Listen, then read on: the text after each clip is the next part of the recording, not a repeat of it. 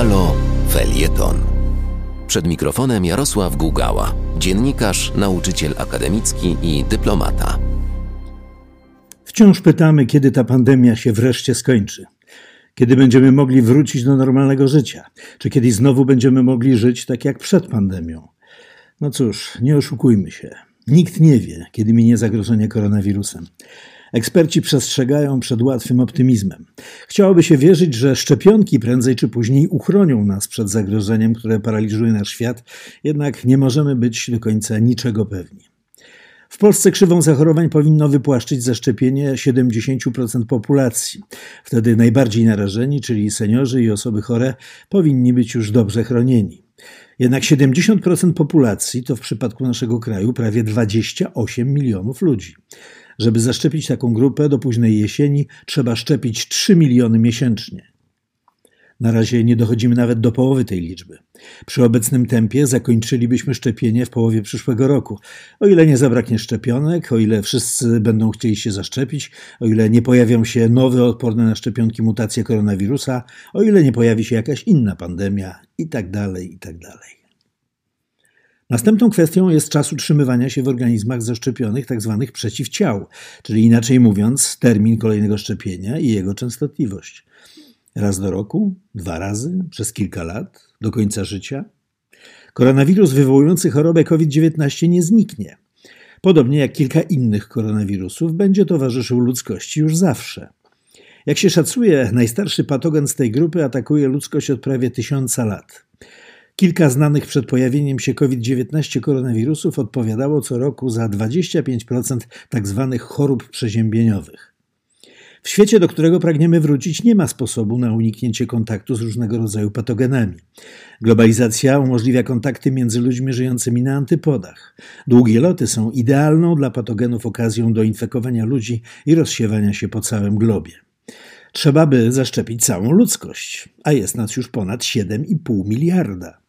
I każdy z nas chce dobrze i coraz dłużej żyć, gromadzić bogactwa, podróżować, konsumować i się bawić. Koszt zaszczepienia całej ludzkości przekracza możliwości człowieka. To brutalna prawda, która pokazuje, że powrotu do tego, co było, już raczej nie będzie, bo po prostu tego, co było, już nie ma. Musimy teraz przebudować nasz świat odbudować system wartości, zacząć chronić nasze środowisko, bo koszty katastrof naturalnych wkrótce przekroczą wartość ludzkiej gospodarki. A wirtualna waluta, czyli jak to woli pusty pieniądz, nie jest w stanie pokryć tych kosztów. Jeśli prawdą są symulacje ekonomistów, że wartość krążącego po świecie kapitału jest 10 razy większa niż ludzka gospodarka, no to musi oznaczać w przyszłości potężne turbulencje i bolesny powrót do rzeczywistości. Dalsze kumulowanie wirtualnego długu i drukowanie pustych pieniędzy musi spowodować eksplozję. Strach pomyśleć, jakiego typu. Druga wojna światowa wybuchła zaledwie 10 lat po wielkim kryzysie zapoczątkowanym krachem giełdowym w 1929 roku. Szczególnie narażone są kraje, które utrzymują ogromne deficyty budżetowe i prowadzą nieodpowiedzialną politykę pieniężną, czyli mówiąc w skrócie, drukują bez opamiętania puste pieniądze. W Europie krajów mających dług publiczny większy od PKB jest sporo. Również Stany Zjednoczone należą już do tej kategorii. Wszystkim nam zagraża kryzys klimatyczny. Dalsze emitowanie zanieczyszczeń prowadzi konsekwentnie do globalnej katastrofy ekologicznej. Jej koszty mogą być niewyobrażalnie wielkie. Ludzkość musi natychmiast zaprzestać spalania paliw kopalnych i szukać czystych źródeł energii. To szczególnie trudne i kosztowne dla krajów takich jak Polska, których miks paliwowy jest oparty głównie na węglu.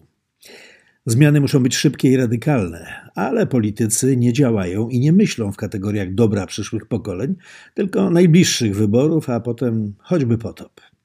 Czas na puentę. Powrotu do minionej tzw. Tak normalności raczej po pandemii nie będzie.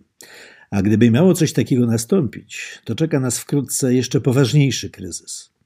Więc nie pytajmy, kiedy będziemy mogli wrócić do normalnego życia, bo to, co było, nie było normalne. To była czysta patologia.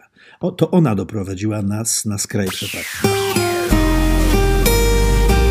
Do wysłuchania kolejnego felietonu Jarosława Gugały zapraszamy w następny poniedziałek o godzinie 16.50.